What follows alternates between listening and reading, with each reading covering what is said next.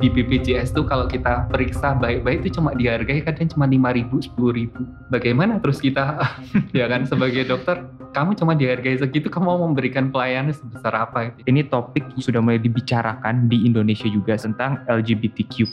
Kita tahu teori, kita tahu semua itu, tapi ketika kita benar-benar deal hubungan dengan yang seperti ini bagaimana? Atau bahkan kita sendiri yang ternyata memiliki hasrat tersebut Nah bersyukur kita punya yang namanya Injil kabar baik itu tidak tertutup bagi orang yang seperti ini.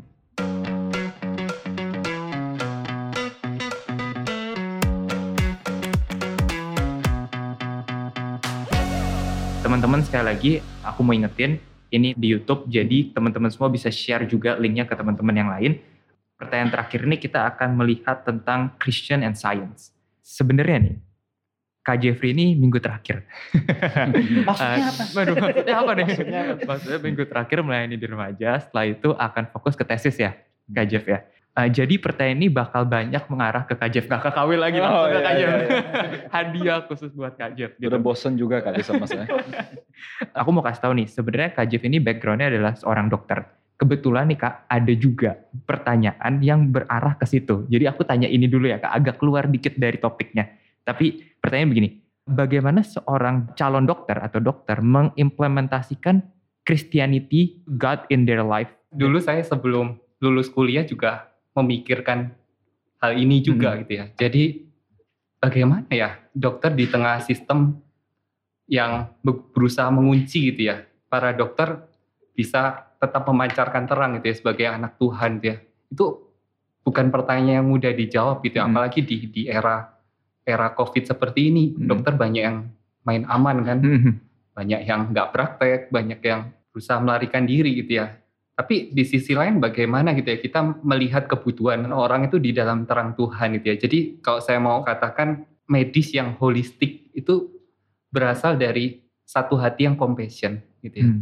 Saya ambil ini dari kitab Injil gitu ya. Kita percaya Tuhan Yesus adalah tabib yang paling agung gitu ya, yang pernah hidup di dunia dan bahkan saat Yesus ada di dunia, orang yang mustahil bisa disembuhkan, begitu Tuhan Yesus bekerja gitu ya, menyatakan mujizatnya, orang itu langsung sembuh seketika hmm. gitu ya. Jadi saya melihat ada kata-kata tergeraklah ya Tuhan Yesus melihat dengan belas kasihan, melihat mereka mengajar, bahkan juga memberikan kesembuhan gitu ya.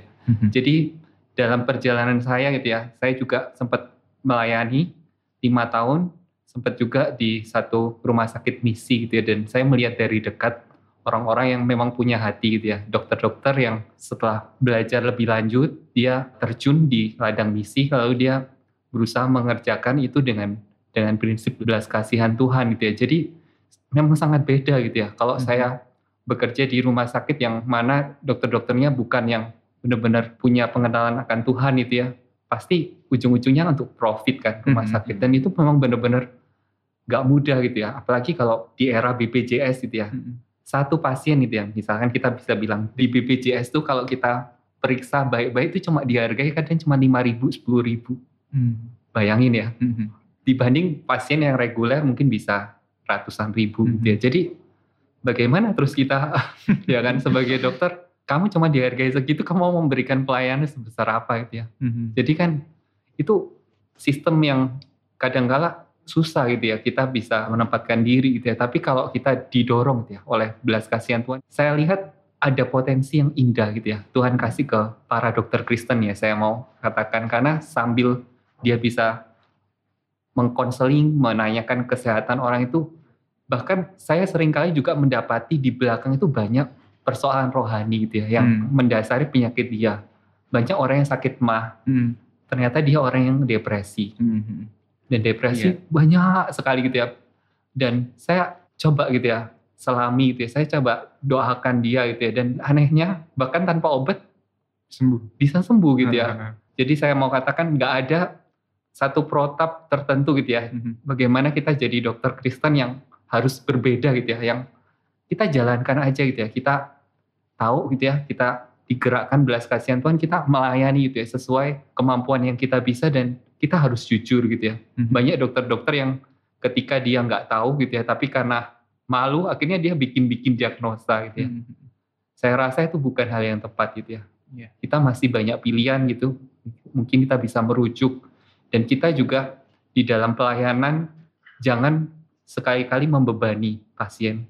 Hmm. Saya lihat banyak pasien yang karena mempunyai insurance, Mm-mm. akhirnya dokter banyak melakukan pemeriksaan yang yang sebenarnya tidak diperlukan, tapi akhirnya kan di cover insurance, Hmm. akhirnya ya double benefit bikinnya, dapat profit juga dokternya, pasien juga di cover seluruhnya sama insurance. Mm-mm. Tapi saya rasa pengobatan defensif ya kita tahu semacam itu tidak bisa dibenarkan gitu ya.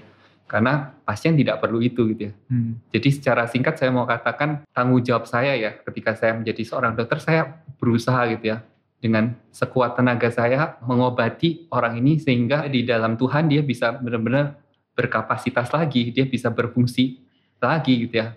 Tapi kesembuhan sejati tidak pernah bisa ditawarkan oleh kita gitu ya. Mm. Kita tahu orang sudah sakit disembuhkan nanti dia akan sakit lagi gitu ya. Jadi endless gitu ya, nggak ada. Tapi ya kita bisa katakan ya, penyembuh yang sejati ya adalah Tuhan gitu. Kita akan mengalami kesembuhan yang paling sempurna ya saat di langit dan bumi yang baru nanti gitu ya, di, Mm-mm. di surga nanti di dalam kekekalan Oke. gitu. Jadi itu satu refleksi saya gitu ya. Jadi kalau buat yang bertanya ini mungkin dia calon dokter ya, kamu hidupi gitu ya prinsip-prinsip yang kamu belajar dari Alkitab walaupun mungkin itu berbeda dari kebanyakan teman-temanmu gitu ya. Tapi Mhm.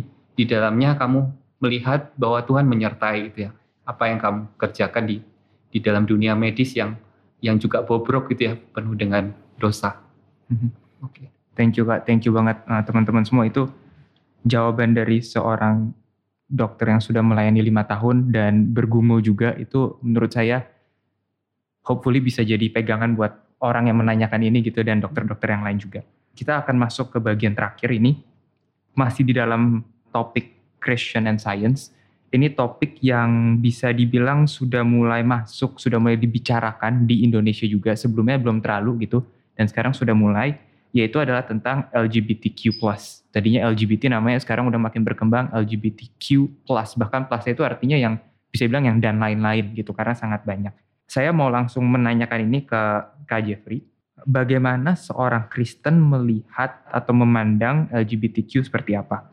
Apakah ini pengaruh genetik atau dosa atau apa dan mungkin juga seberapa jauh sih eh, LGBT ini udah ada kalau dilihat gitu apakah mulai dari zaman tertentu kah atau bahkan di Alkitab ada atau sebelumnya dan apakah berkembang gitu dan lain-lain gimana kak? dosa Sodom dan Gomora Mhm. ya di bagian situ cukup jelas gitu ya. Saya lebih menekankan dari LGBT ini yang gay. Mereka mengatakan saya dilahirkan sejak awal gay gitu ya. Mhm. Jadi saya tidak bisa berubah dong kayak begitu. Tapi sebenarnya ini belum terbukti gitu ya. Mhm. Jadi kalau kita berusaha mencari gen gay gitu ya, kedokteran makin ke belakang nih arahnya ke arah genetika gitu ya. Dalam istilah kita berusaha merekayasa genetika gitu ya. Tapi ada nggak ditemukan gen sehingga pada dasarnya bayi itu sudah punya kecenderungan dia menjadi gay sampai sekarang nggak terbukti gitu ya. Hmm. Sudah ada percobaan ke binatang ke mana tapi tidak pernah ditemukan gitu ya, tidak pernah konklusif hasilnya. Saya malah melihat ya kalau gay itu sesuatu yang dipelajari sambil dinikmati. Apa sih istilahnya kayak begitu? Hmm. Banyak orang-orang yang menjadi gay pada awalnya mereka nggak tahu sama sekali apa itu gay.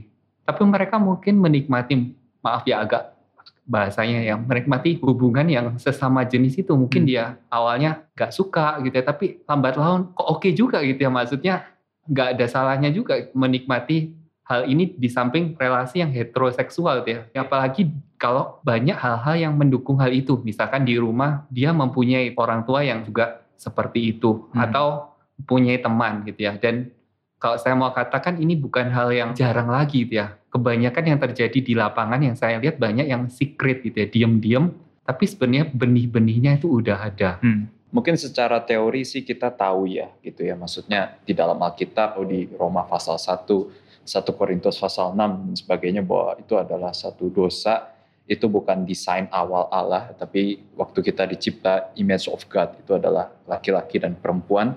Tetapi poin saya adalah ketika kita benar-benar ketemu deal dan bagaimana berhubungan dengan orang yang seperti ini itu satu hal yang beda jauh Hmm. Kita tahu teori, kita tahu semua itu, tapi ketika kita benar-benar deal hubungan dengan yang seperti ini, bagaimana?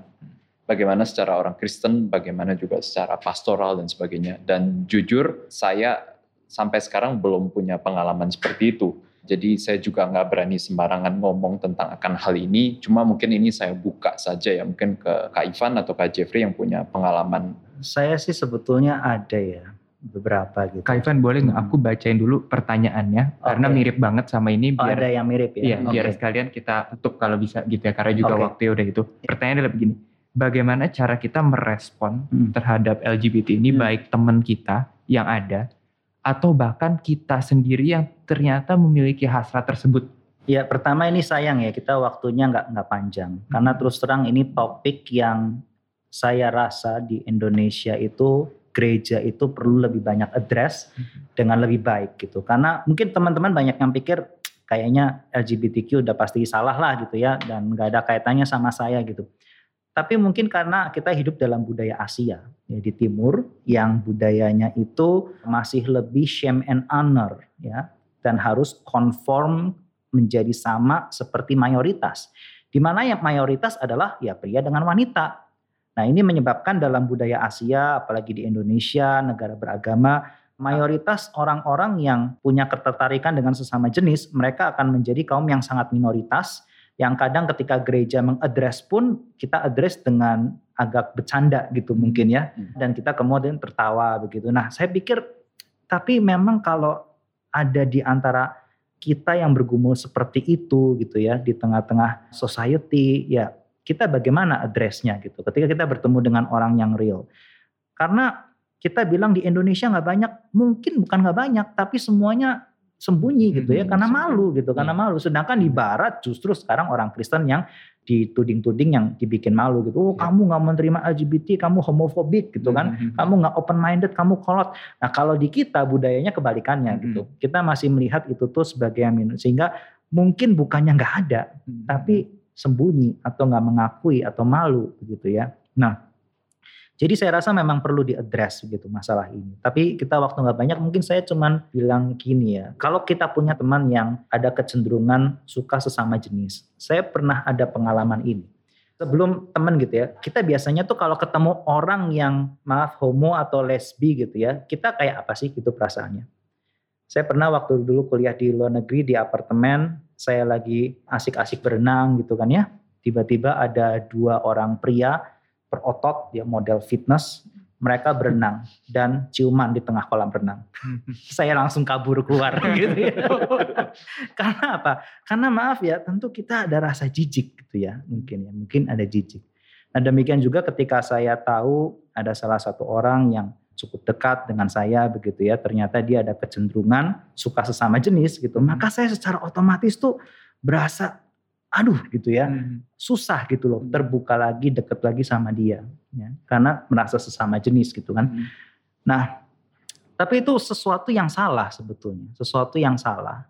Karena tanpa sadar kita seolah-olah melihat mereka itu sebagai apa ya, subhuman gitu mungkin atau orang yang aneh atau Mhm. apa begitu dan berasa mereka itu punya dosa yang terlalu parah begitu misalnya ya. Tapi sebetulnya kan yang namanya dosa homoseksual, lesbian itu ya adalah dosa sama seperti ketika kita mencuri, berbohong, membunuh, Mhm. itu pun dosa gitu ya. Tentu Mhm. dosa ada tingkatan-tingkatannya tetapi itu bukan berarti dia itu bukan manusia gitu. Kita Mhm. semua adalah manusia berdosa Mhm. gitu. Memang tidak membenarkan tadi kalau balik ke pertanyaan tadi ya, tidak membenarkan orang bilang oh saya lahir ada kecenderungan seperti ini, maka saya harus boleh. Loh kalau lahir kecenderungan jadi serial killer gimana? Mhm. Gitu kan? Serem juga. iya? Takut juga. Nggak- tapi maksudnya kan tentu kita bilang kamu tetap nggak boleh bunuh Iya, gitu kan ya. Sama ini kalau ada ada pun seandainya pun mereka bisa buktikan ada kecenderungan itu sejak lahir ya tetap kalau itu salah ya nggak boleh Mhm. begitu loh. Nah, tapi poin saya adalah kalau kita ada teman pertama kita harus pertama sadar kita sama-sama manusia berdosa gitu. Kita kita perlu belas kasihan Tuhan. Mhm. Ada satu orang dibesarkan dengan keterbatasan tertentu sehingga dia ada kelemahan dalam dosa tertentu. Ya setiap orang ada struggle-nya masing-masing gitu. Tapi intinya mereka adalah sama seperti kita orang berdosa yang struggle dengan dosa kita masing-masing. Hmm. Gitu. Nah kemudian bagaimana sekarang kalau kita ini menjadi orang yang punya kecenderungan seperti itu, Mhm. gitu kan ya?